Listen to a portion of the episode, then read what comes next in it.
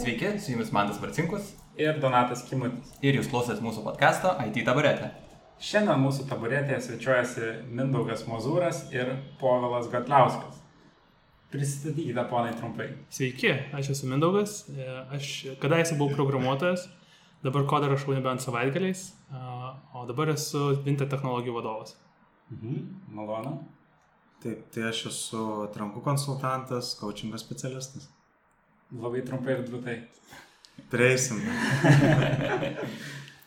Tai šiandien mūsų tema yra psichologinė sveikata ir taip daugiau į pokalbis, pavadinkim, į IT sferą, kur kaip jaučiasi žmonės pas mus va, šitoj sferai. Tai gal pradėkime nuo klausimo tokio, kas jums yra ta psichologinė sveikata, kaip jūs savo galvoje taip apsibrėžėt. Tai aš gal pradėsiu. Mm, turbūt, kad pasakyti, kas yra e, psichologinė sveikata, reiktų gal apsibrėžti, kas yra šiaip sveikata. Ir man visai po- imponuoja a, pasaulio sveikatos organizacijos apibrėžimas, kad tai yra fizinė, psichologinė, socialinė gerovė, o ne tiesiog lygos nebuvimas. Tai jeigu tai paprastai, kad e, žmogus tik dėl to, kad neserga, nesuponuoja, kad jis yra sveikas, Mhm. pavyzdžiui. Tai vienas dalykas. Tai kai aš kalbu apie psichologinę sveikatą, aš kalbu bendrai apie sveikatą. Ir psichologija yra tiesiog vienas elementas, kuris yra neatsiejamas nuo visų kitų. Tai čia būtų turbūt e, toks mano suvokimas. Mhm. Ar tu taip sakai dėl to, kad kartai psichologinės problemos gali pasireikšti ir fiziniais simptomais? Turbūt, kad taip, e, jo. Aš taip, aš neturiu geresnio atsakymų, negu dabar pasakėjai. Apibrėžimą. apibrėžimo. A, Nes man pirmiausia į galvą šovė atsakymas susijęs su negalom, su kažkuo negeru vykstančiu Mm. kūne ar galvoje. Mhm. Ir kai pagalvoju, kas galvoje negerai vyksta, tai man pirmas žodis, kuris šauna į galvą, tai yra nerimas. Mhm. Tai yra, o man nerimas tada yra um, kažkoks neišspręstas vidinis konfliktas, kuris sukelia tą nemalonę psichologinę būseną. Mhm. Dar gal papildyčiau dėl nerimo. Pats, kadangi esu baigęs e, psichologiją, tai leisiu savo kartais ir žargono pavartoti ir, ir papostringauti šitą temą. Tai šią akimirką aš kažkiek jaučiu nerimo, jis e, pasireiškia šiek tiek virpančių balsų, aš jį jaučiu kūne, bet jis nėra man trukdantis. Ir turbūt, kad um, patirti nerimą yra visiškai natūralu ir tikiu, kad ir tu taip galvoji. Gal aš tik pridėčiau, kad kartais nerimas jis nebesuvaldomas pasidaro ir Mhm. sunku su juo išbūti, toleruoti prezentaciją, kuri prieš tai kaip ir nekėlė nerimo, staiga pradeda kelti. Santykis, kuriame aš jaučiausi komfortiškai, darosi nebekomfortiškas. Ir turbūt va tada, kai mes tą balanso stoką ar išsibalansavimą pajaučiam, tada atrodo, va, kaip tu sakai, kad kažkas nebe taip yra. Aš nesutiksiu su tavim šiek tiek. Ok, prašau.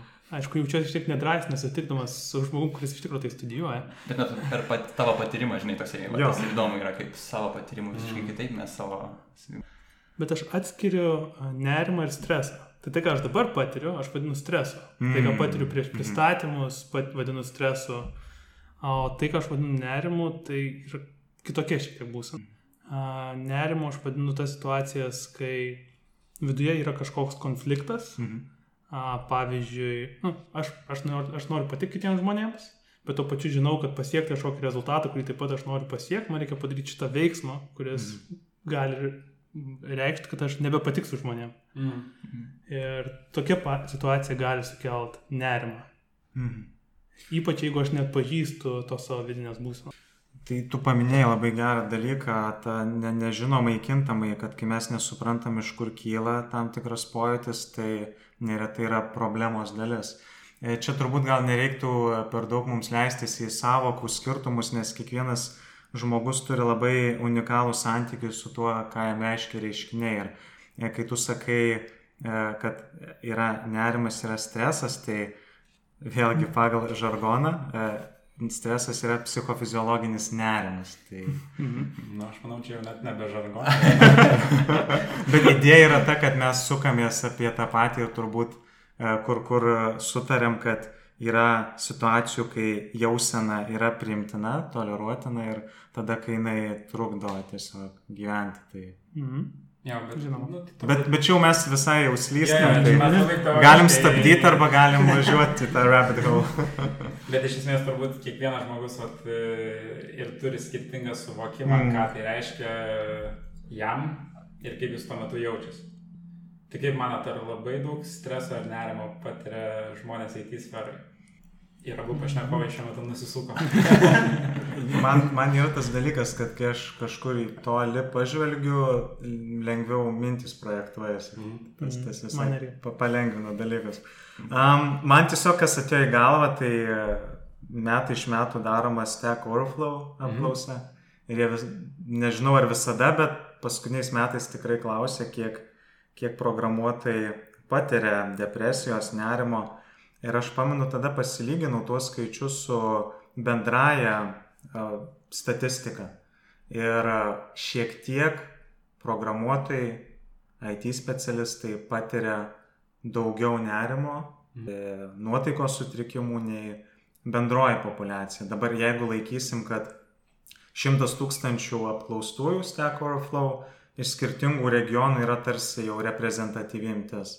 Jeigu laikom, kad taip, tai yra įrodymas, kad e, kažkas vyksta šitoje rinkoje. Mm. Kitas man įrodymas yra tai, kad apie 70 procentų grubiai, dabar bijau sumeluoti, seniai tą tyrimą žiūrėjau, IT sferoje dirbančių susiduria su tuo vadinamoju apsimetelio sindromu, Mhm. kas irgi suponuoja, gali suponuoti aibę psichologinių sunkumų. Tai drįščiau teikti, kad yra iššūkių kaip ir bet kur kitur, Taip. Gali būti, kad yra daugiau. Aš tikrai pastebiu psichologinių iššūkių aplinkoje, kurioje aš dirbu. Mm. Man išgirdus apie statistiką, kurią tu paminėjai, klausimas, kuris kyla, yra kokia yra koreliacija su vyrais ir moteriamis. Mm. Nes mūsų industrijoje dirba daugiau vyrų negu moterų. Mm.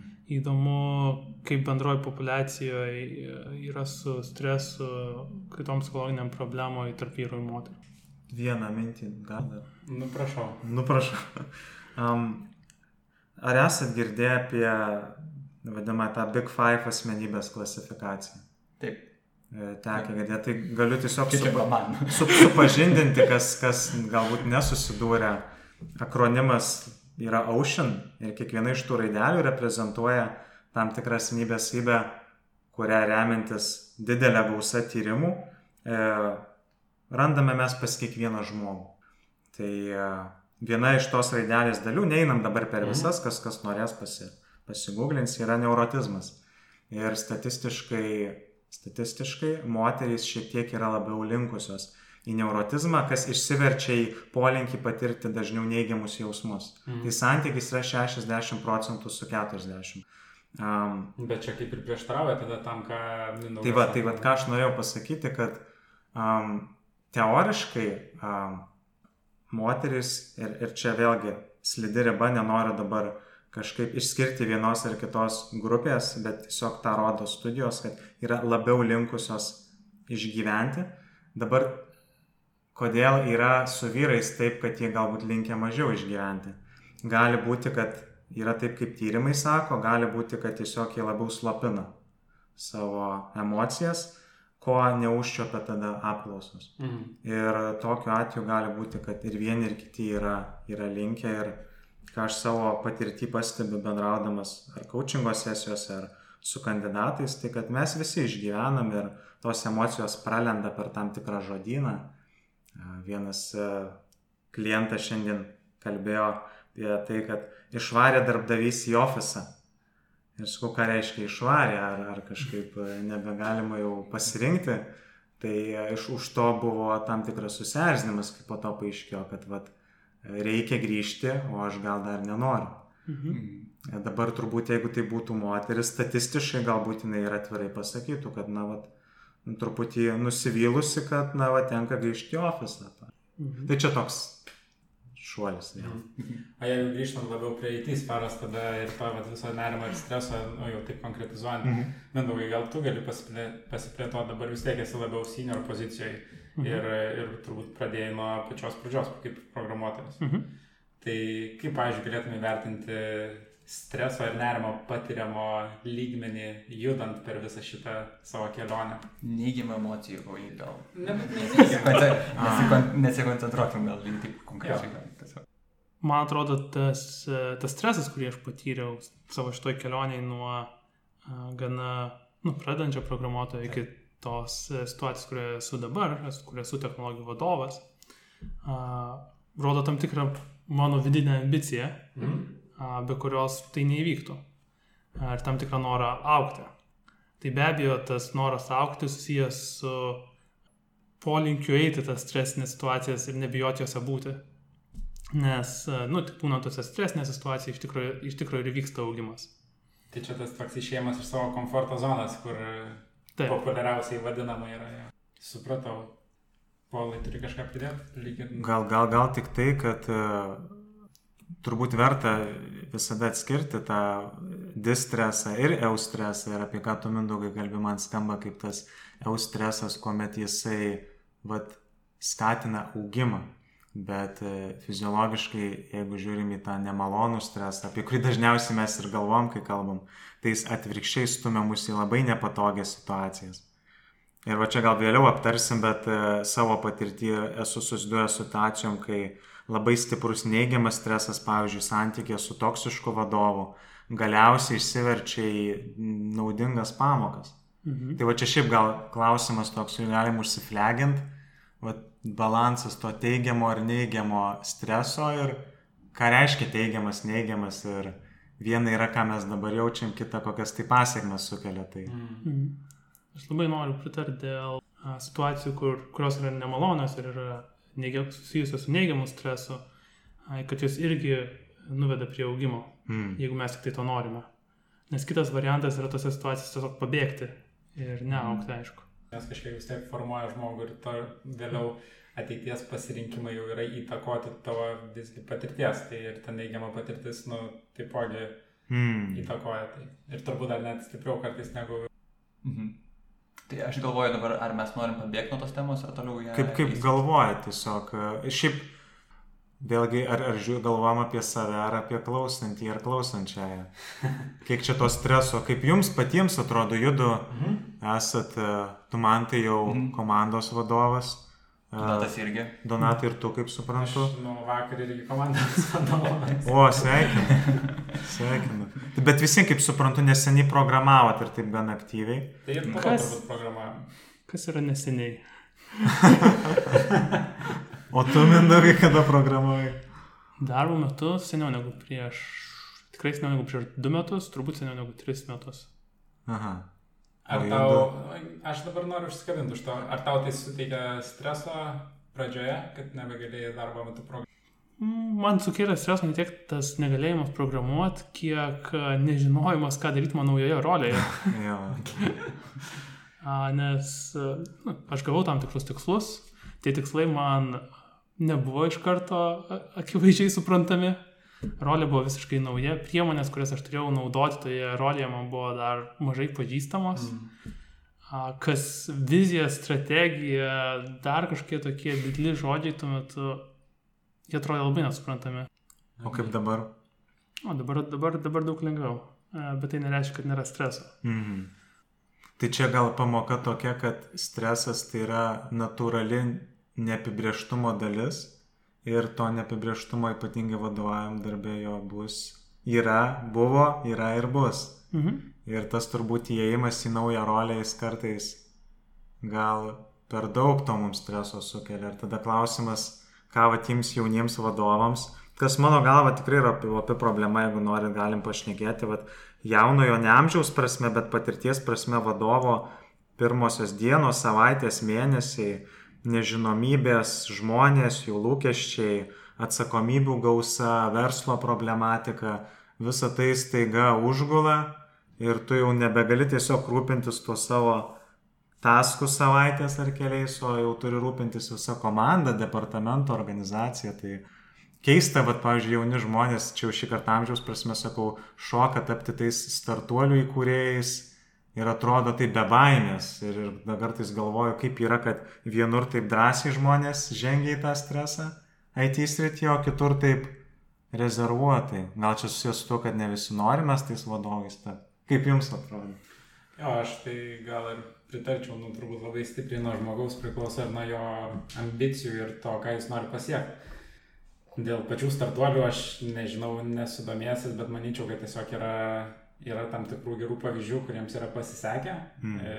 Dėl to žmonės turi idėjų ir galvoja, kodėl nepabandyti. Vis dar jaunas esu ir e, jeigu sufeilinsiu, galėsiu pradėti mm. iš mhm. naujo. E, nes turbūt vis tiek vėliau žmonės pradeda ieškoti gal to saugumo labiau iš darbo Tai... Aš manau, kad šiaip žmonės nepereina į tą pusę, kad tie žmonės, kurie neresta čia galvą, tai paskui jie nebegrįžta į tą, kad aš noriu saugumo, nes jie dažniausiai, čia kaip Polas minėjo apie uh, Ocean uh, arba tą Big mm. Five, tai ten žmonės yra kitas, ta O raidė yra openness to experience, tai, tai žmonės yra ten maksimaliai ten ir tikriausiai uh, minimaliai N raidės, tas neurotizizmo mm -hmm. yra. Tai ten žmonės tiesiog yra va tokie, jie tiesiog turi tokią savo asmenybę ir jie važiuoja ir jie net negalvoja, pavyzdžiui, kad aš norėčiau pabandyti ir aš nebijau rizikuoti, jie tiesiog neresta čia galvo, nes kodėlgi ne. Ir net galbūt streso nekelia jiems, jie net ne, neklausia. Bet pavyzdžiui, tada tiem žmonėms yra sunkiausiai, kai jie iš tikrųjų susiduria su kažkokia, e, nu, tokia trauma, vadinkim. Mm. Kažkas tai atsitinka tokio emociškai stipraus, kad žmogus sustoja ir nesupranta, kas vyksta, kai jam ten prasideda nu, priepoliai visokie tas e, psichosomatinis realiai, mm. jau kai į tavo kūną pereina tavo psichinė būsena.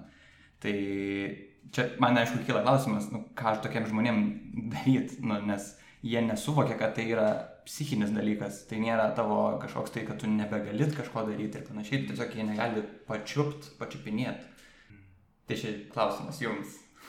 Mindaugai tavo patirtyje, va, toks klausimas, kadangi ir turbūt galiu tai vardyti, nes apie tai esi rašęs, uh, lankėsi terapijoje. Mhm. Um, Ir įsivaizduoju, kad terapija dažnam, nes ir pats esu lankęs, suteikia tokį gerą žodyną, na ypač nesi studijavęs psichologijos ar ten nesinėręs galvos į tą literatūrą, suteikia gerą žodyną, kuris leidžia atpažinti, na tas pavyzdžiui, mhm. panikos atakas, panikos priepuolius, kaip tu man tai sakai. Ir kai tu jau įvardyji, jau tai automatiškai mažina nerimo lygį. Ir aš įsivaizduoju, kad labai dažnai, galbūt prielaida mano, IT specialistai stokoja to žodino, kai yra žodino stoka, sunku įsivardyti. Kai sunku įsivardyti, tada ta psichosomatika tokia yra aštri, kad, vat, kaip ir tu sakai, gali nublokšti į, į, jau į ligas, tada ne tiesiog stresą, distresą ar kas.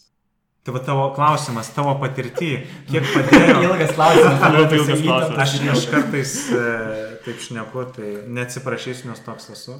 Um, tai vad mindaugai, kiek ir apstai jums gal visiems klausimas, vad, A, ar tą žodyną turit, B, jeigu ne, kaip, kaip tada dorojatės su, su tais vat, netikėtais nerimo priepoliais emociniais iššūkiais.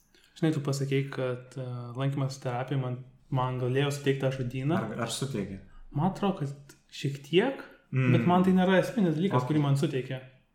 Man esminis dalykas, kurį man suteikia lankymas terapija, yra geresnis savęs supratimas, geresnis sugebėjimas atpažinti, kas man jie vyksta, žinot, ką su tuo daryti, mokėjimas surasti žmonės, kurie man gali užduoti gerus klausimus ir padėti mm. reflektuoti apie situacijas, kuriuose aš atsiduriu.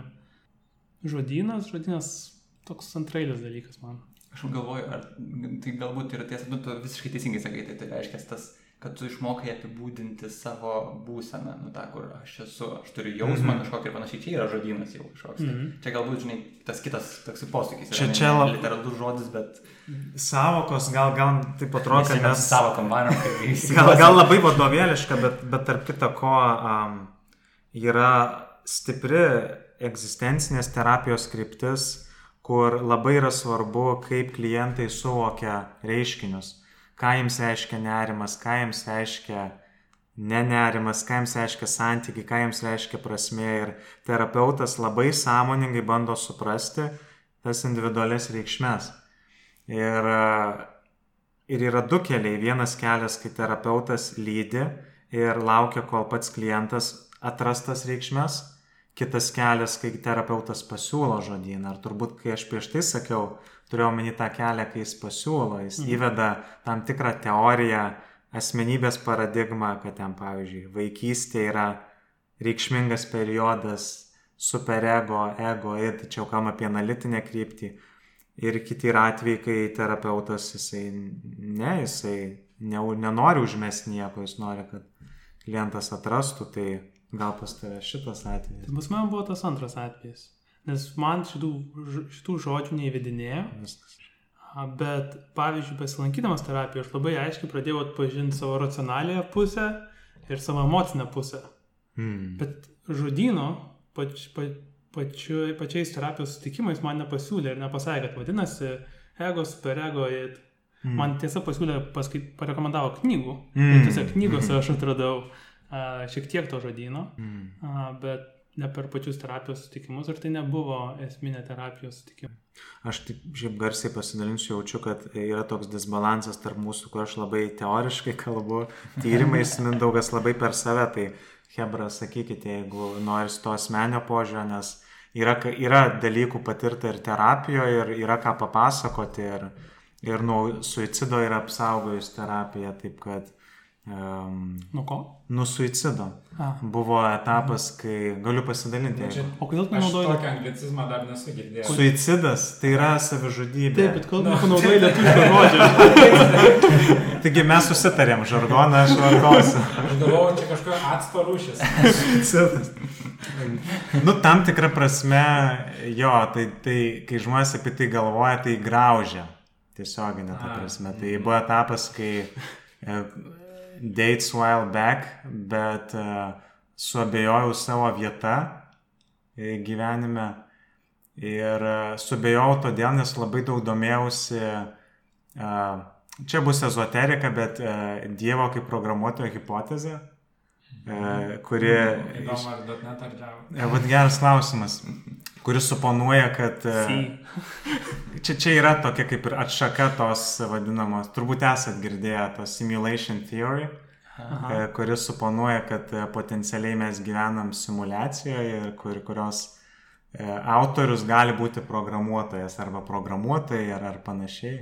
Ir kai aš tuo taip nuoširdžiai pradėjau, na taip svarstyti kaip toks agnostiškas žmogus, pradėjau galvoti, tai gerai, jeigu aš, būdamas šitos simulacijos dalyvis, iš esmės negaliu reikšmingai keisti šio pasaulio, aš esu tiesiog narys, kintamasis kažkoks mm. savotiškas, programos funkcija, pavadinkim taip.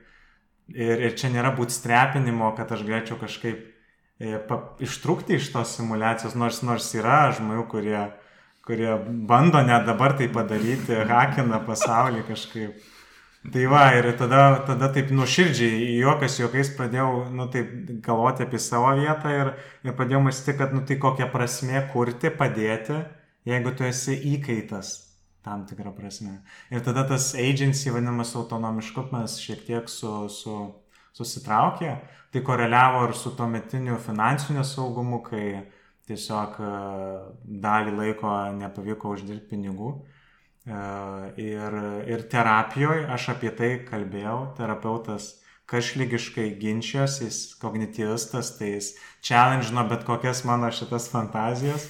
Ir nesakau, kad aš jų atsižadėjau, bet, e, bet ką jis man padėjo suprasti, tai kad gyvenimas yra ribotas, vienintelis dalykas, kurį aš turiu, tai yra pojūčiai.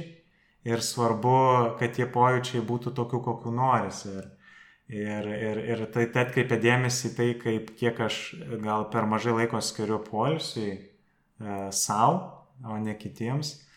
Ir, ir, ir tai išėjo, išėjo gerą. Nežinau dabar, kodėl aš tai pasakoju, bet iš principo uh, jo, tas suicidas, uh, visi turbūt esam pagalvoję apie tai kažkiek. Ir, ir aš tarp jų, ir, ir, ir terapija pasitarnavo tam. Tai, tai klausimas buvo, kodėl naudoja anglicizmą. Ar esate matę serialą Mr. Robot? Taip. Tai man kažkodėl to istorija labai priminė. Bet čia geras serialas, tai kas pamatė, pažiūrėkite. Dar neblogas yra Devs. Ar matėt? Ne. Ne. Ne, Ne, ten, jeigu trumpai, tai e, tipo, Google tipo įmonė kuria kaip po kvantinį kompiuterį ir e, jie jį galiausiai sukuria, panaudodami vieną iš, nesu aš specialistas, bet jei darysiu klaidų, sorry, panaudoja vieną iš kvantinės mechanikos teorijų, tai berots multiverse. Ir e, panaudoja tas hipotezės, jie sugeba sukurti algoritmą, kuris šimtų procentų nuspėja ateitį. Tai aš dabar žiauriai prispoilinau. Sorry, spoiler alert. Spoiler alert nebuvo, bet, bet, aš, bet iš esmės tai jau jaučiasi pirmoji serijoje ir kuo tas serialas įdomus, tai jis va challenge'ina laisvos valios idėją. Ir ten apie tą simulaciją irgi yra dalykų. Tai... Nu, mes nieko su matu už, užbypinsim, kur spoilinai viską. Kaip keiksmažodžius. Gerai, bandykit. Tai gal grįžtam prie temos. Aha. E, Čia irgi galbūt susiję tas su tokiu... Mes turim temą? Jo, turim. Pasirodo. e, gal su to laisvu, laisvu pasirinkimu, pavadinkim taip. E, žmonės žino, kad yra, e, gali eiti rūpintis tą savo psichologinę sveikatą, e, eiti pas te, į terapiją ir panašiai. Kodėl žmonės, nu, pavyzdžiui, rūpina savo kūnu, e, kaip programuotojai. Mes labai dažnai kalbam, daug kur skaitom, kad Mhm. svarbiausia yra pasirūpinti savo kūnu, būtinai e, eiti sportuoti, bėgioti, kad tai išvalo mintis, pliusų prirašyta. Bet apie rūpinimas mintimis yra labai mažai sakoma apie tai. Arba nu, iš viso nesakoma nieko. Bet ar nesakom? Mažai sakoma. Nu, tos ne, tu, jeigu atsidarytum daugiau straipsnių, tikriausiai, nu, čia statistika tikriausiai reiktų ieškoti. Žiūrint, ką skaitai.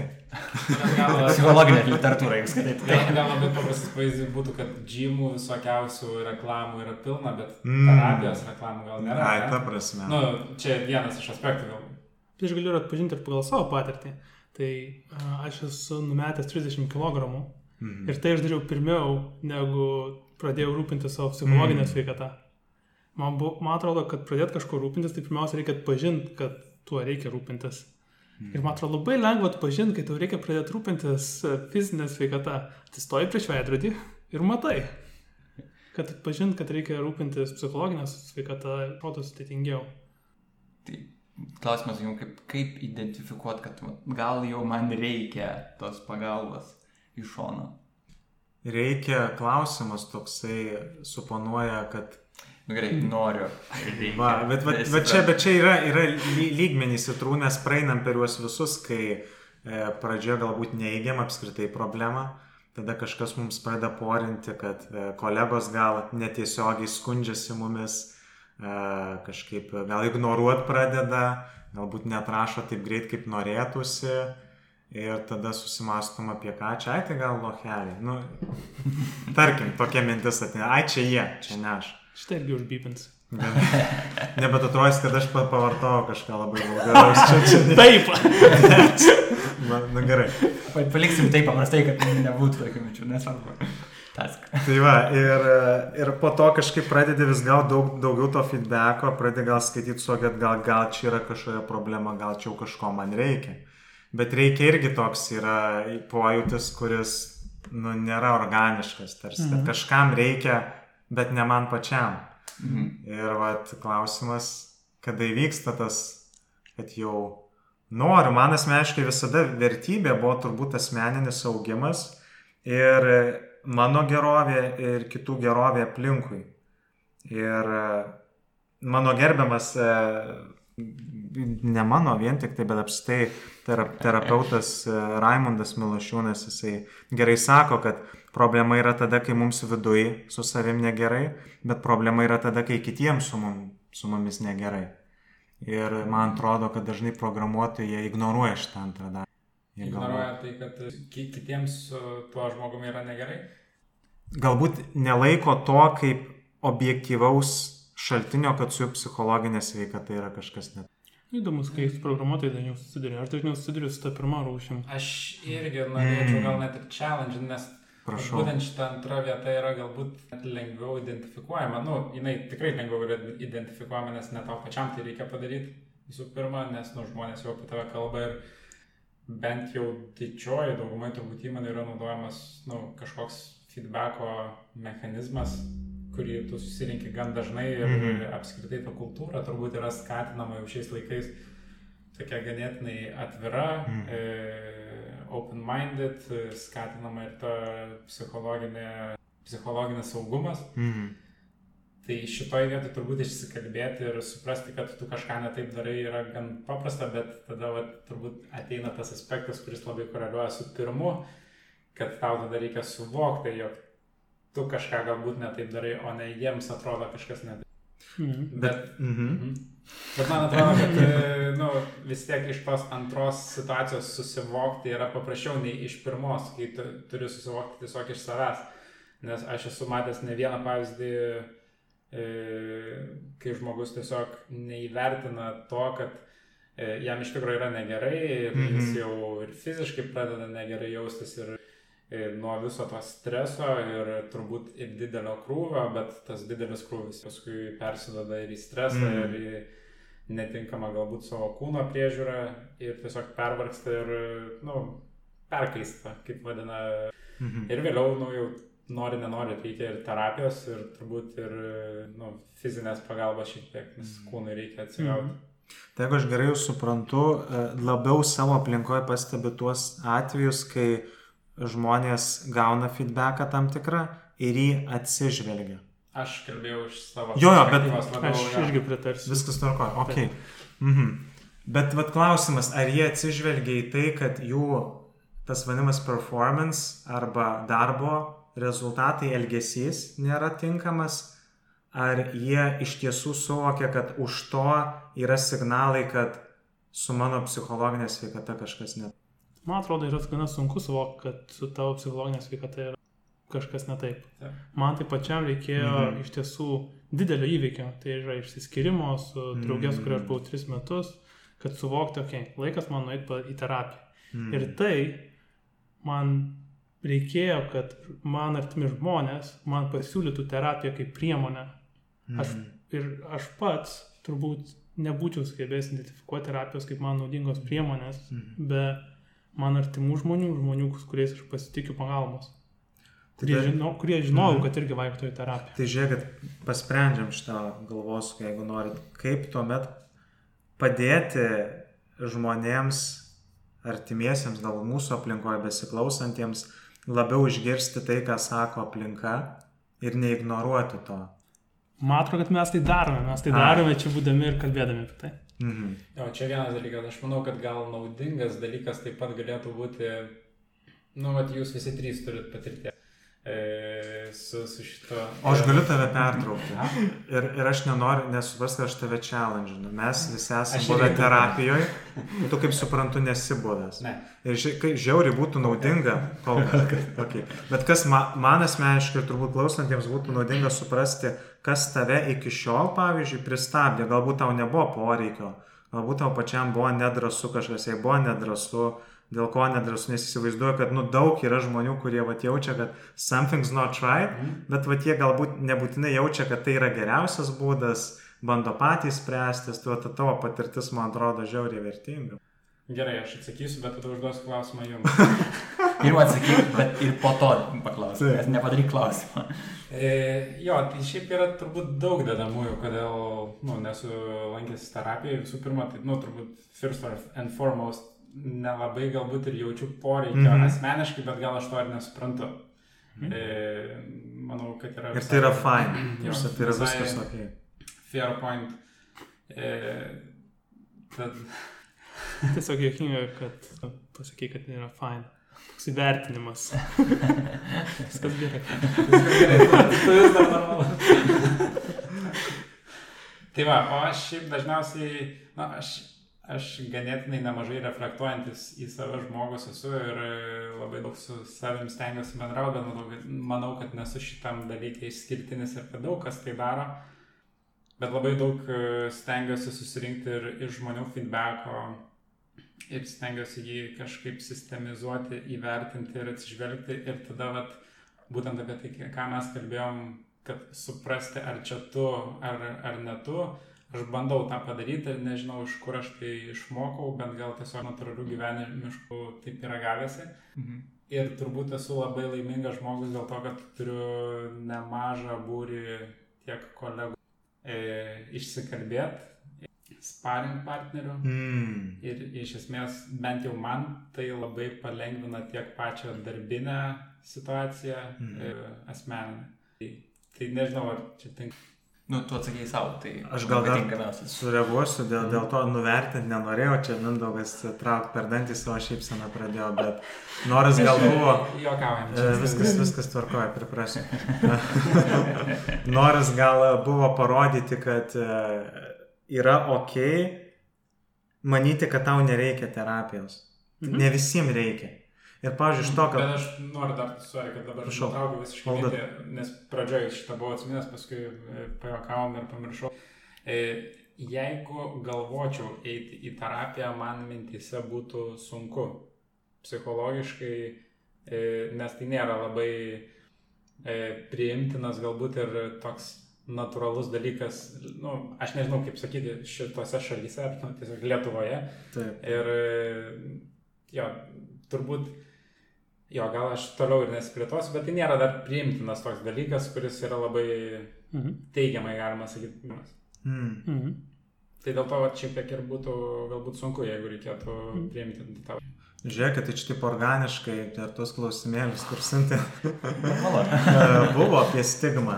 Ir Taip. kaip manot, gal, gal verta tęsti? Aš norėjau jūsų paklausti klausimą, aš ir paklausiu tada dar, o vėliau apie stigmą galim. pakalbėti. Gerai. Kalbėjom apie stresą ir nerimą ir tą vat suvokimą, kad tau galbūt reikia e, pagalbos. Ar turit kažkokių tipsų, arba kaip jūs bandot dabar suvokti, ar jums to reikia ar nereikia? Nes jau esat lankę terapiją ir galbūt nu, kažkokiu metu reflektuojate, ar nereikėtų vėl nueiti, ar, ar su viskas ok, kaip aš jaučiuosi ir taip toliau. Tai nežinau, kam klausimas skirtas, Mhm. kas nori gerai atsakyti. Tai aš sugebu atpažinti tas e, būsnas, dažniausiai nerimo, kurios man yra nemalonios. Dažniausiai dabar, kai aš jas atpažįstu, aš sugebu pasirinkti ir priemonės, ką daryti su tabu ir išspręsti tą būseną. Jeigu pastebėčiau, kad aš esu nerimo būsenoje ilgą laiką ir nesugebu iš to išeiti, Mm. tada tikrai pagalvočiau apie terapiją. Aš turbūt gal ir, irgi papildyčiau ir čia kažkodėl taip informavimo prasme, nežinau kaip jums ar tai įdomu, bet norisi atskirti, vad, psichiatras, psichologas, terapeutas, potencialiai coachingo specialistas, nežinau kiek jums patiems Psichoanalitikas. psichoterapijos rūšis. Bet įdomu, kiek jums vat, patiems atrodo aktualu va, tie skirtumai, nes ką aš pastebiu savo aplinkoje ir kai man žmonės rašo, tai kur čia man kreiptis, man tiesiog blogai, pasakyk kur, pas ką. Tai gerai, kai žmonės bent jau suvokia tuos skirtumus, bet net ir tada spektras pasirinkimo milžiniškas. Mhm. Nu gerai, sako, re, remkis rekomendacijom, bet kas vienam buvo naudinga, nereiškia, kad tau patiks. Žmogus pasitikė tą rekomendaciją, nueina, nėra santykio. Kokiem prielda ateina į galvą? Ai, nenaudinga. Mhm. Bet gal tiesiog nebuvo chemijos. Kaip, kaip bet kokiam santykiai, tai yra Mhm. svarbu taip ir ten. Mhm. Tai vad, kaip jūs galvojat, kiek, kiek verta čia sustoti ties skirtumais? Man atrodo, tikrai bent jau verta paminėti, kai manęs paties paprašo rekomendacijų terapeutas, aš e, dažniausiai rekomenduoju tą terapeutą, pas kurią aš lankiausi, Natūralu. bet aš paminiu, kad e, aš su juo turėjau labai gerą santykį ir tai nereiškia, kad Mm. tam žmogui a, susiformuos toks pastiprus santykis. Ir rekomenduoju, jei nepavyks, arba jeigu, arba jeigu net ta terapeutų negalės paprašyti rekomendacijų jos. Aš dar pridėsiu tikriausiai tokią įdomią mintį, kad pradėjau nuo to, kad e, sulyginau kūno sveikatą su minčių sveikatą. Tai kūno sveikatą mes nu, palaikom, pavyzdžiui, Mm. parduodami ir mes nepabandom, pavyzdžiui, krepšinį žaisti. Ir jis mums nelimpa. Tai mes nesakom, kad visas sportas yra neįdomus ir nereikalingas, mums tiesiog netinka. Tada bandai bėgiot, Mm. tada bandai su dviračiu važiuoti ir kažkas prilimpa. Tai čia yra panašiai su terapija. Tu eini pas vieną, gauni vienokį santykių su to, e, su to e, procesu, pavadinkim. Tai ir su kitu gausi visiškai kitokį procesą. Galbūt tai bus labiau įtraukiantis, galbūt bus labiau atsitraukęs. Ko tau reikia? Bet šiaip tai reiktų bandyti. Jeigu Mhm. matai, kad vieną kartą nelimpa, tiesiog reikia eiti dar kartelį. Ir manau, kad e, terapeutų, psichologų, e, žmonių yra pakankamai daug, kad galėtum išsirinkti tikrai tau Mhm. limpantį žmogų. E, Bet yra dar tokių, e, dar mintis man kyla, kad pirmas ateimas arba antras ateimas gali būti toksai gazdinantis, kad tu užsidarysi viduje ir tu nenorėsi jokio santykio. Tai mm. ne, nereiškia iš karto, kad reikia pirmą nuėjau, nepatiko ir išeinu. Nu, reikia pabandyti paband, pa, susipažinti su žmogumi, nes čia kaip ir su žmogumi susipažinti, tau reikia pakalbėti su juo, kad jį pažinti, mm. pažiūrėti, kaip tu jauties, tas man užtrunka tas, e, kaip čia tas santykis susibildinti, pavadinti. Mm. Tiesiog. Tai dėl tų panašumų skirtumų pabandom truputį, man, man atrodo, kad visai, visai vertinga. Tai e, gal aš pradėsiu tada nuo psichiatro, tai čia turbūt gal lengviausiai atpažįstam, ar čia didžiausias stigmos gal, gal, gal turinti pro, profesija. Iš tos pusės, kad va jau eini pas psichiatrą, tai jau Nu jau turbūt durnas arba, arba ten, nu, jau į durnyną. Gal dabar į mane. Aš tiesiog. Aš tiesiog Nes dar niekur neįėjai ir tau kaip galima siūlyti, kad eitum.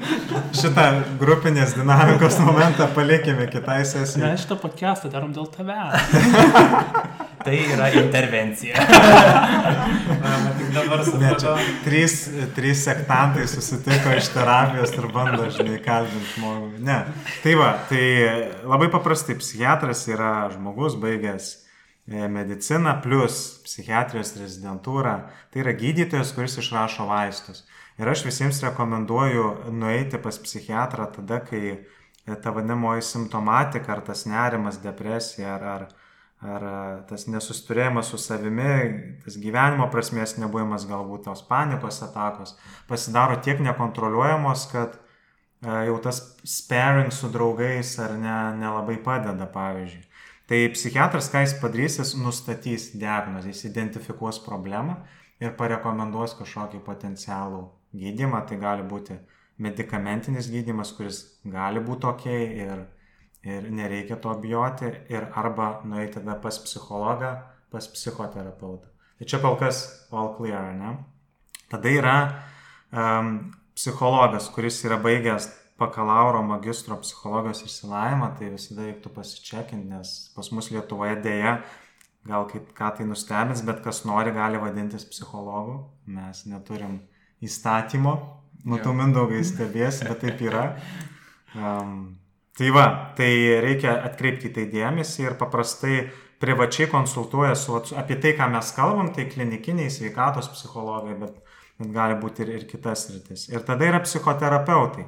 Ir dažnas googlindami pastebėsim psichiatras, psichoterapeutas ir psichologas psichoterapeutas. Tai, tai čia tiesiog psichoterapija yra papildomos po diplominės studijos, dažniausiai 4-6 metų, per kurias tu įgauni papildomų žinių apie kažkokią filosofiją. Na tai programavime ten pasirenki arba tu būsi džiavistas, ar Java specialistas, ar Sharp, ar JavaScript, ar, ar kažkokios kitos paradigmos, kurios nei, nei viena, nei kita nėra nei blogos, nei geros, tiesiog tam tikrais atvejais vienos naudingos, tam tikrais cheesy gal palyginimas, bet, bet kartais padeda. Tai psichoanalitikas čia irgi patenka. Psichoanalitikas tai vad būtų turbūt iš tų, kur labai opinionuoti, tai nežinau, kur, kur čia be, be kritikos sakau, kur, kuri čia kalba galėtų būti. Gal džiava kokia tokia, nes psichoanalizė prasidėjo nuo Freudo, tai yra pati seniausia paradigma ir jinai turi daugiausiai tokių C. Okay. Bet, bet jinai, manau, kad populiari labai yra. Tai C, man rodos, nėra pati. Nu, bet, okei. Okay. Tai ar, ar aiškus, ar skirtumai daugiau mažiau? Mhm. Taip, svarbiausia mūsų klausytojams, kad būtų aišku. Jo, Jie, aišku, jo. gali ir atsisukti paklausyti dar kartą. Arba paskaityti te- internete. Arba...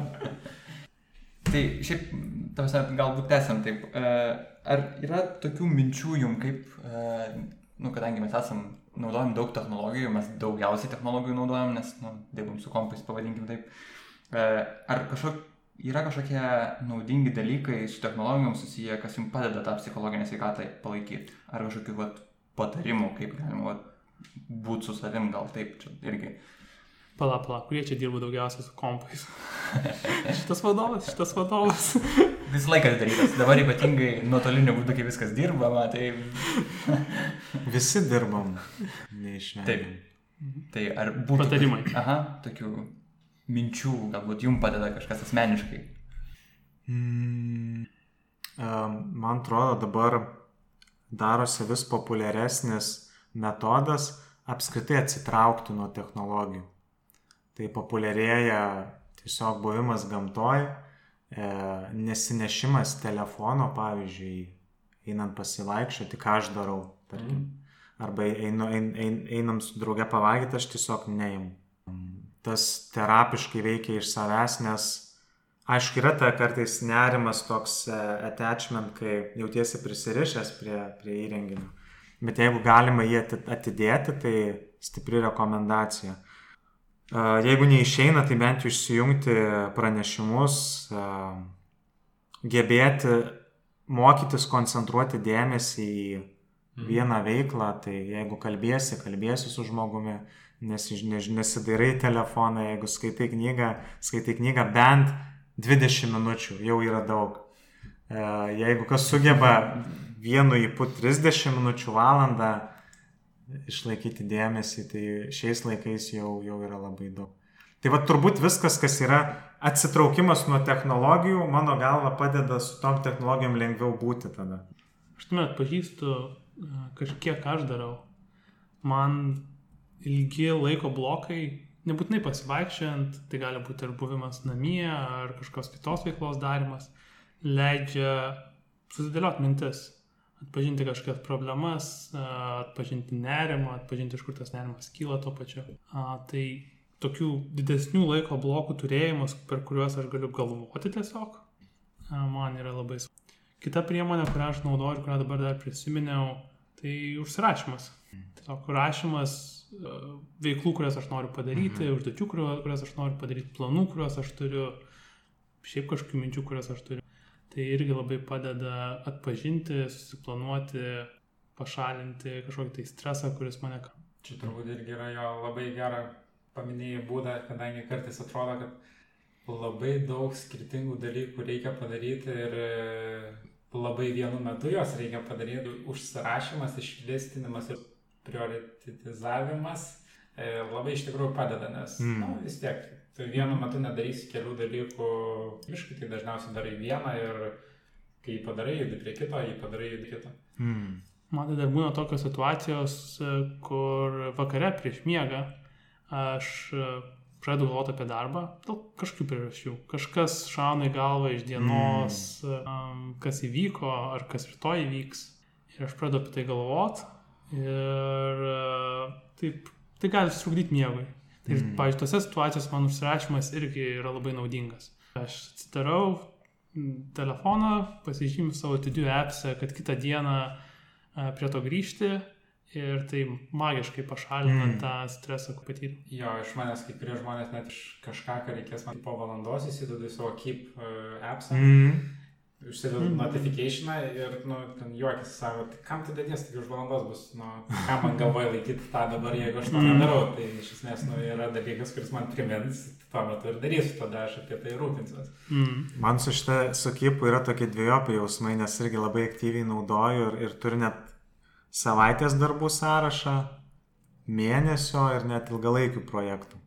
Ir, ir, ir tarsi tas mėnesio yra ilgasis sąrašas, o savaitės yra kaip, nu, kaip sprintas, pavadinkim toks. Agile šiek tiek prisitaikau. Um, ir, ir pastebėjau, kad jo padeda įsitraukti darbą tai pukšt kažkaip kuriam laikui nebegalvoji.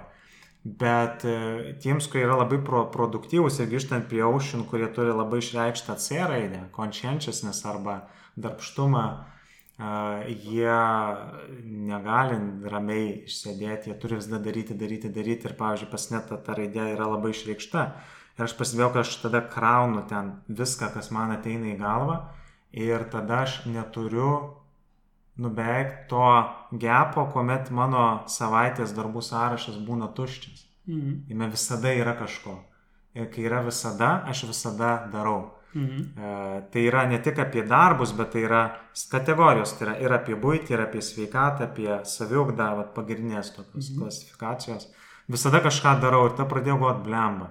Dabar aš patapau kaip kypo vergas iš esmės, nes Ir, ir, ir čia kada buvo tokia situacija, kur jau jaučiu, kad jau reikia atostogų, tai ką aš padariau, atsidariau, nusprendžiau pirmiausia, kada jau eisiu. Ir taip gan net piktai ir prieš save, ir prieš tuos visus įrankius ištryniau, kas buvo kalendoriui, va tą periodą, ištryniau darbus ir tiesiog e, pasakiau, kad, okei, okay, tą laiką jokių darbų nebus ir mano tudiulistas bus tuščias. Ir po to, kai tai padariau, taip kažkaip, pum, tokia net ir, atsi, nu, taip kažkaip at, atlaisvėjo ir tada supratau, kad, o, tai dabar reikia iki atostogų tų padirbėti ir sugrįžo kažkaip vėl motivacija ir, nu, važiuoju dabar ant to, nes dar liko keletą savaičių, bet, bet, bet jo, kaip jūs galvojat, kartais nepatampamės tokie slaves of productivity kaž, kažkuria prasme. Bet man čia padeda tas pirmas patarimas, kurį aš pasakiau. Mhm. Turėjimas labai iškių laiko blokų, kur tiesiog galvojimo laikas. Jo, čia reikia turėti labai, reikia turėti, būtų gerai turėti konkretų work-life balance. Nu, faktas, kad ne, ne kiekvieną dieną galbūt jį pavyksta pa, padaryti, ypač priklauso veiklų kiekio, kiek tu jų darai. Bet vat, man tas po savimi, ką tu afišuoji, tai man yra krepšinio pažaidimas, mm -hmm. ten pažaidimas su draugė pabuvimas. Ir, ir, ir tada dar grįžtant ir prie tavo, Paulai, punkto, kad e, notifikationai pareina į telefoną, nu tai vad juos irgi reikia išsijungti. Ir taip, taip. Aš, pavyzdžiui, nemoku to, kol iki netostogauju. Esu bandęs, mane ne, vis tiek galvoju ir tada man dar blogiau būna. Mm. Tai man jau geriau, kad jie eina, aš juos paskaitau ir man kažkur ten mintise tai sukasi, bet, nu, aš susigyvenau su tuo. Bet, bet jau vienas atostogas turėjau, kur esu išjungęs darbo pranešimus. Mm, sveikinu.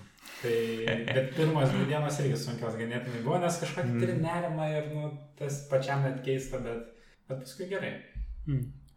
Aš tai neturiu darbo savo telefone ir šiaip labai mažai notifikationų gaunus. Ir mano kolegos žino, kad kartais aš atsakinėju lietai, o jei norit, kad greitai atsakyčiau, tenkant. Hmm. Man atrodo, o aš aha. noriu truputį pasiklausti dėl šito. E, kaip įvedai tokią kultūrą? Ar, ar pajautai kažkokią pasipriešinimą tam? Ne, iš tiesų nepajaučiau. Bent jau dabar negaliu atpažinti, kad pajaučiau. Man atrodo, kad daugelis mano kolegų supranta naudą neturėti notification ir nebūti visą laiką toj, kaip čia pavadinta būsena. Nu, pavadink. Tai mėgsti savoką savo. Iškart.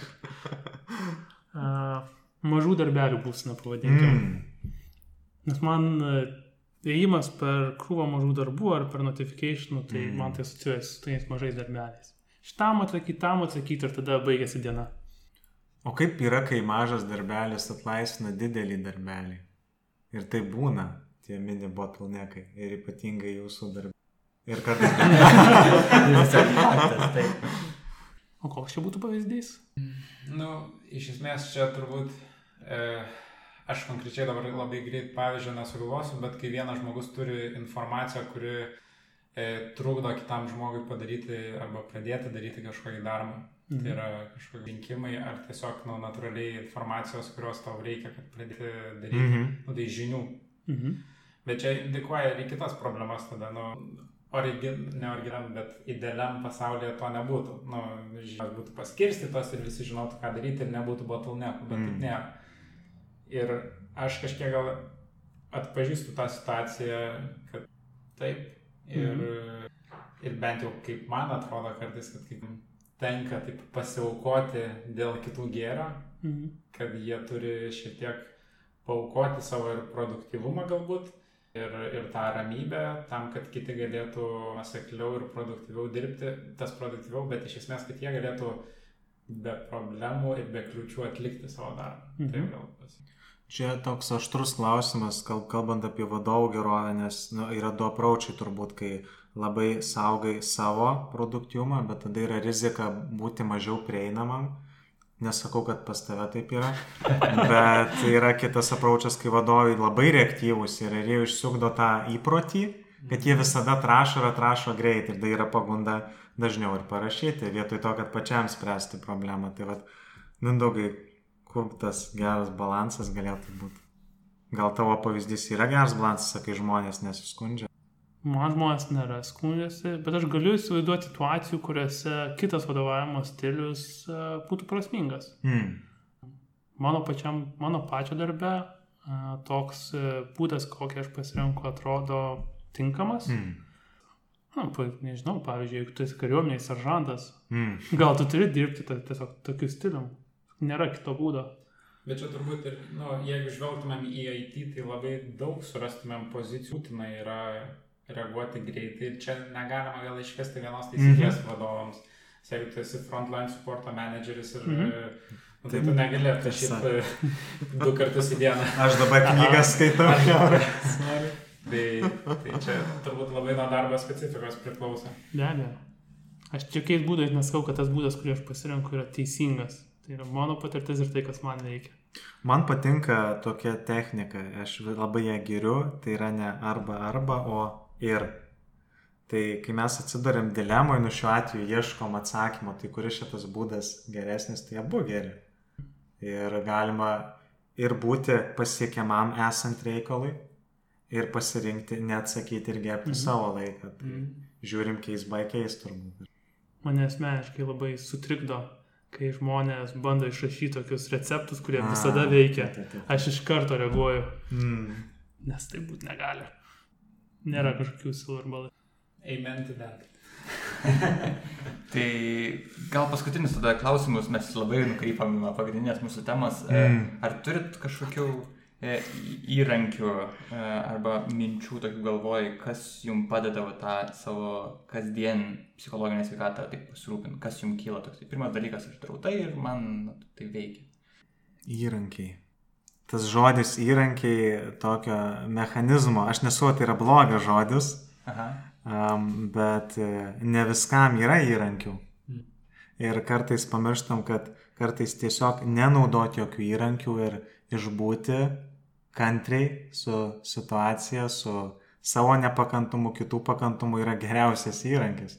Ir dėl to gal dabar yra bangos ta e, mindfulness arba dėmesingų įsisamoninimu grįsta terapija, meditacija, kuri ir moko tam tikro kantrumo ir, ir, ir smalsumo kiekvienam momentui. Tai, pavyzdžiui, šią akimirką mes dabar esam čia, mes kalbamės, vienas kito klausom, stengiamės kažkaip nepasiklysti savo minčių srautę, girdėti vienas kitą. Ir čia turbūt yra ge- geriausia, ko, ko, ko galima tikėtis. Ir, ir, ir galbūt bėda yra ta, kad kartais per daug norim spręsti viską, viskam, visur matom problemas, viskas tampa vinim, viską reikia kaltada. O atsakant konkrečiai klausimą, nežinau. Man atrodo, kad čia sustos- geras atsakymas yra. Tai Gerai. įrankis per slešą metodologiją. Nu, ar naudojamas kažkokio dalyko. Nu tai gal mindfulness toks. Gerai, viskas, sėda, ne, nebeatsakinėjau. Aš tai iš tiesų nesuvoju, ką daugiau pridurti šalia to, ką mes jau vardinom. Nes tie įrankiai, e, apie kuriuos aš kalbėjau, tai užsirašymas ir labai aiškių laiko blokų turėjimas, tai man tai ir yra pagrindiniai įrankiai, kurie man padeda Mhm. e, rūpintis mano psichologinę būseną.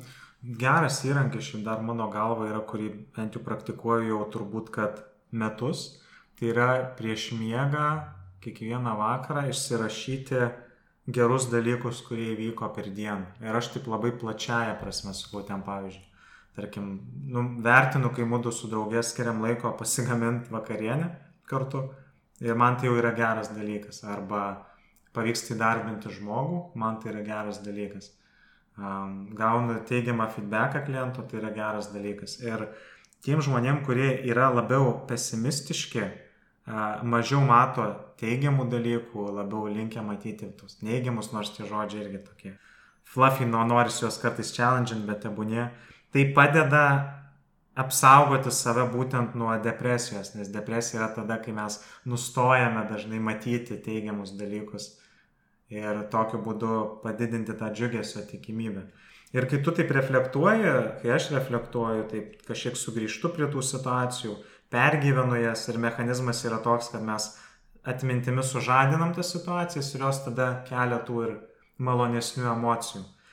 Pradėjau po to ir papildymą tam tikrą ieškoti balanso, tai paieškoti ir tų blogų dalykų, kurie gal nepaėjo iš jų pasimokyti, bet visada išlaikau balansą, kad vienas neigiamas su penkiais teigiamais. Mhm. Ir, ir yra tokia pseudo teorija, kad tai neva, neva teisingas būdas yra ir feedbacką duoti, kad suprask, jeigu, pavyzdžiui, kritikuoji kitą, tai turi subalansuotai labai paskirsti. Čia be apie code reviews kalbant, beje, aštri tema, bet, bet šitą galėtų taikyti daugiau programuoti, man ros mažiau būtų e, to apsimetėlio sindromo.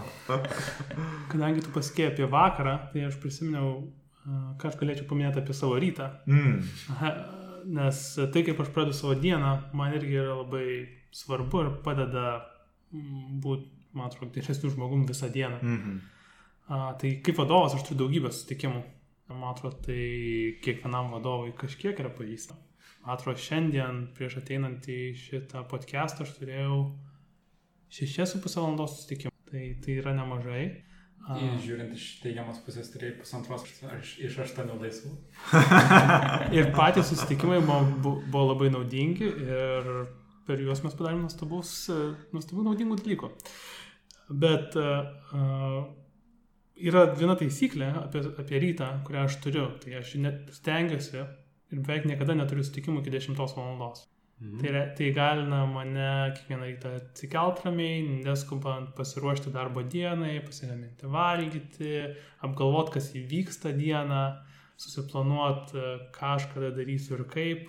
Ir tada būti toje dienoje samoningiau ir to. O nuo kelių standartiškai pradedi. Nėra kažkokios vienos taisyklės, nes aš keliuosi be žadintuvo, Aha. tai aš kartais atsikeliu pusę aštuonių, kartais atsikintą, kartais Mm. atsikeliu prieš aštuonias. Ir, tai, ir dėl to mano darbo dienos pradžia gali pasistumti. Ir nuo to priklauso, aišku, kiek aš spėjau padaryti iki savo pirmo susitikimo, bet aš visada spėjau pagalvoti apie savo ateinančią dieną ir ją pasiplanuoti. Na, aš jau per vieną iš podcastų minėjau, bet aš irgi turiu rytinį, rytinį ritualą stovint duše. O ne. Iš tikrųjų, irgi, Nesakyk, kad dainuoji. ne, iš tikrųjų irgi apmastyti ir susidėlioti visus šiandienos darbus ateinančius, nes kartais būna tų darbų toks sukūrys ir atrodo, Mm. kad kai tik ateini į darbą ir prasideda ir nebe, nebežinai net į kurią sritį eiti. Bet jeigu susidėlioji prioritetus, permastai, kam gali deleguoti kažką, galbūt kam, kur reikėtų nueiti, kur nereikėtų nueiti ir e, man bent jau padeda ramiau jaustis pačiam. Aš dar pridėčiau, mes dar turim laiko, jau. Nu, Nu, neišsiplėsiu. Tai kažkaip mindaugai norėjau į tavo pasidalimą sureaguoti. Man toks iškė vaizdas, kad esi vienas iš tų žmonių, kuris geba gerbti savo laiką. Ir turbūt norisi ir daugam to palinkėti, vat, daugiau pagarbos savo šiuo atžvilgiu. Ir kas man dar surezonavo, tai vat, ta vadinamoji, gal ir pats taikai, ar, ar, ar, ar judu kartu man tai su Donatu Untouchable Day. Tai tokia dar darbo kontekste tai gali būti no meetings, Mhm. bet gyvenimo kontekste tai gali būti apskritai tiesiog šimtaprocentinis laikas savo tam, ką šimtų procentų nori daryti. Būtent tą akimirką. tą dieną. Taip, taip, taip. Atsikeli šeštadienį, nieko nesusiplanavęs ir Pavyzdžiui, vat, vat šitas man irgi patinka, vat, išeiti iš kypo, to, iš kypo atostogų ir ne, ir vat, spontaniškai gyventi, kaip sakau, o ne į whim. Mhm. Kas man užeina, ten ir važiuoju ir tada tokio autentiškumo ar natūralumo atsiranda ir, ir, ir tie dalykai kaip ir pasidaro, bet tiesiog darai, kas tau tuo metu smagu. Tai vat, irgi labai rekomenduoju. Ne tai, kad įrankis čia mes grįžtam prie, atrodo, basic dalykų, kurie visą laiką buvo su mumis ir staiga tai skamba kaip jau rocket science. Vos. Man atrodo, čia yra viena iš tokių esminių, uh, vienas iš esminių dalykų, kas padeda užtikrinti gerą psichologinę būseną. Daryti Mm. mm. tai, ką nori. Ir tai šiek tiek tamsta prieštarauja tavo ėjimui eiti iš komforto zonos, nes ne visada norisi eiti. Kartais norisi. Priklauso nuo ambicijų. Aš jau ką. Kartais, galis, kartais norim nenorėti. Tai Mhm. Apie tai. Save, kartais save įsitikinti. Kad kartais esam e, ir mazochistai, nesau, kad tamsta mazochistai. Nereaguosi iš to. tai gerai, tai paskutinis mūsų klausimas laikai yra tradicinis, galbūt, e, nebent norit kažkokių paskutinių minčių, bet jau to tiek daug minčių buvo, kad sunku sekti šiaip labai gerų patarimų ir įrankių, metodologijų ir panašiai. Tai paskutinis klausimas yra rekomenduoti knygą. O, Nebūtinai kaip susiję. laisvės TV dabar dar. Ja, Okay. Knyga. Mes, kai buvom susitikę apie knygas, truputį kalbėjau. Aš gal paminėsiu tą pačią, a, a, kaip ten, George McKeon, tai nežinau, gal numes galėsit kažkur Essentialism knyga, arba lietuviškai esencializmas. Man tai yra knyga apie esmės paieškas gyvenime. Tai ir sprendimų prieimime, ir santykiuose kažkokiuose, ir darbe, ir visur kur. Kaip daryti tuos dalykus, kuriuos, vat, kaip turbūt kalbėjom, jaučiam, kad norim daryti, ir kartu jaučiam, kad ir reikia daryti, ir svarbiausia yra daryti, ir, ir, ir kaip apsaugoti nuo non-essential dalykų. Tai nereiškia, kad mes darom tik big stuff, bet darom, kas atliepia mūsų poreikius, mūsų vertybės. Tai mm, vienam savo klientui tą knygą davau per, per coachingo programą, jisai neskaitė jos iki pat programos galo beveik. Ir kai jis ją pasėmės, aš jam rekomendavau ir jaučiau, kad gali jam padėti atrasti tą centrą gyvenime, jis pradėjo skaityti ir jis nenutraukė coachingo programą. Nes jis ten rado visus savo atsakymus. Tai... Taip, padarė savo darbą. Nu, darėm kitus darbus turbūt, bet jo, ką noriu pasakyti, kad e, gera knyga labai rekomenduoju ir e, rekomenduoju skaityti periodiškai, kas kažkiek laiko, nes, nu, vos ne kaip šventasis raštas, nes vis atrandi naujų. Aš parekomenduosiu knygą, kuri nėra tiesiogiai susijusi su mūsų šiandien nagrinėjama tema. Ta knyga yra Thinking in Systems. Kaip programuotojas aš dirbau prie sistemų mm. ir mačiau sistemas ir keičiau sistemas. Thinking in Systems man padėjo atpažinti sistemas, kurios yra visur aplinkui. Tai šita knyga man padeda tiek kiek vadovai, matyti organizaciją kaip sistemą ir atpažinti, kokie atpažinti, kokie svertai yra naudojami uh, paveikti bet kokią sistemą ir netgi organizaciją. Ir taip pat uh, mąstyti apie ir platesnės problemas, kurias aš matau, matau pasaulyje. Ir suvokti, kur tų problemų yra root causes ir kaip tos problemos būtų taisomas ir kokie būdai yra prasmingi. Cool. cool. Tai, tai ačiū Jums už įdomų pokalbį. Iš tikrųjų buvo daug. Ačiū Jums. Ir jautrių temų. Labai karšta taburetė buvo. Neįsisamoninau. Kažkaip taburetės atžvilgių dėmesingas nebuvau. Reiškia, ne karšta visai. Ne karšta. Ar tau buvo karšta kaip intervencijos nu, taikiniui? metu jau buvau sušilęs. Susirūpinęs. Taip, išreikščiau. tai gerai, su jumis buvo Mantas Marcinkus. Mindaugas Mazūras. Povilas Godliauskas. Ir Donatas Kimutis. Ačiū ir iki. Iki. Iki.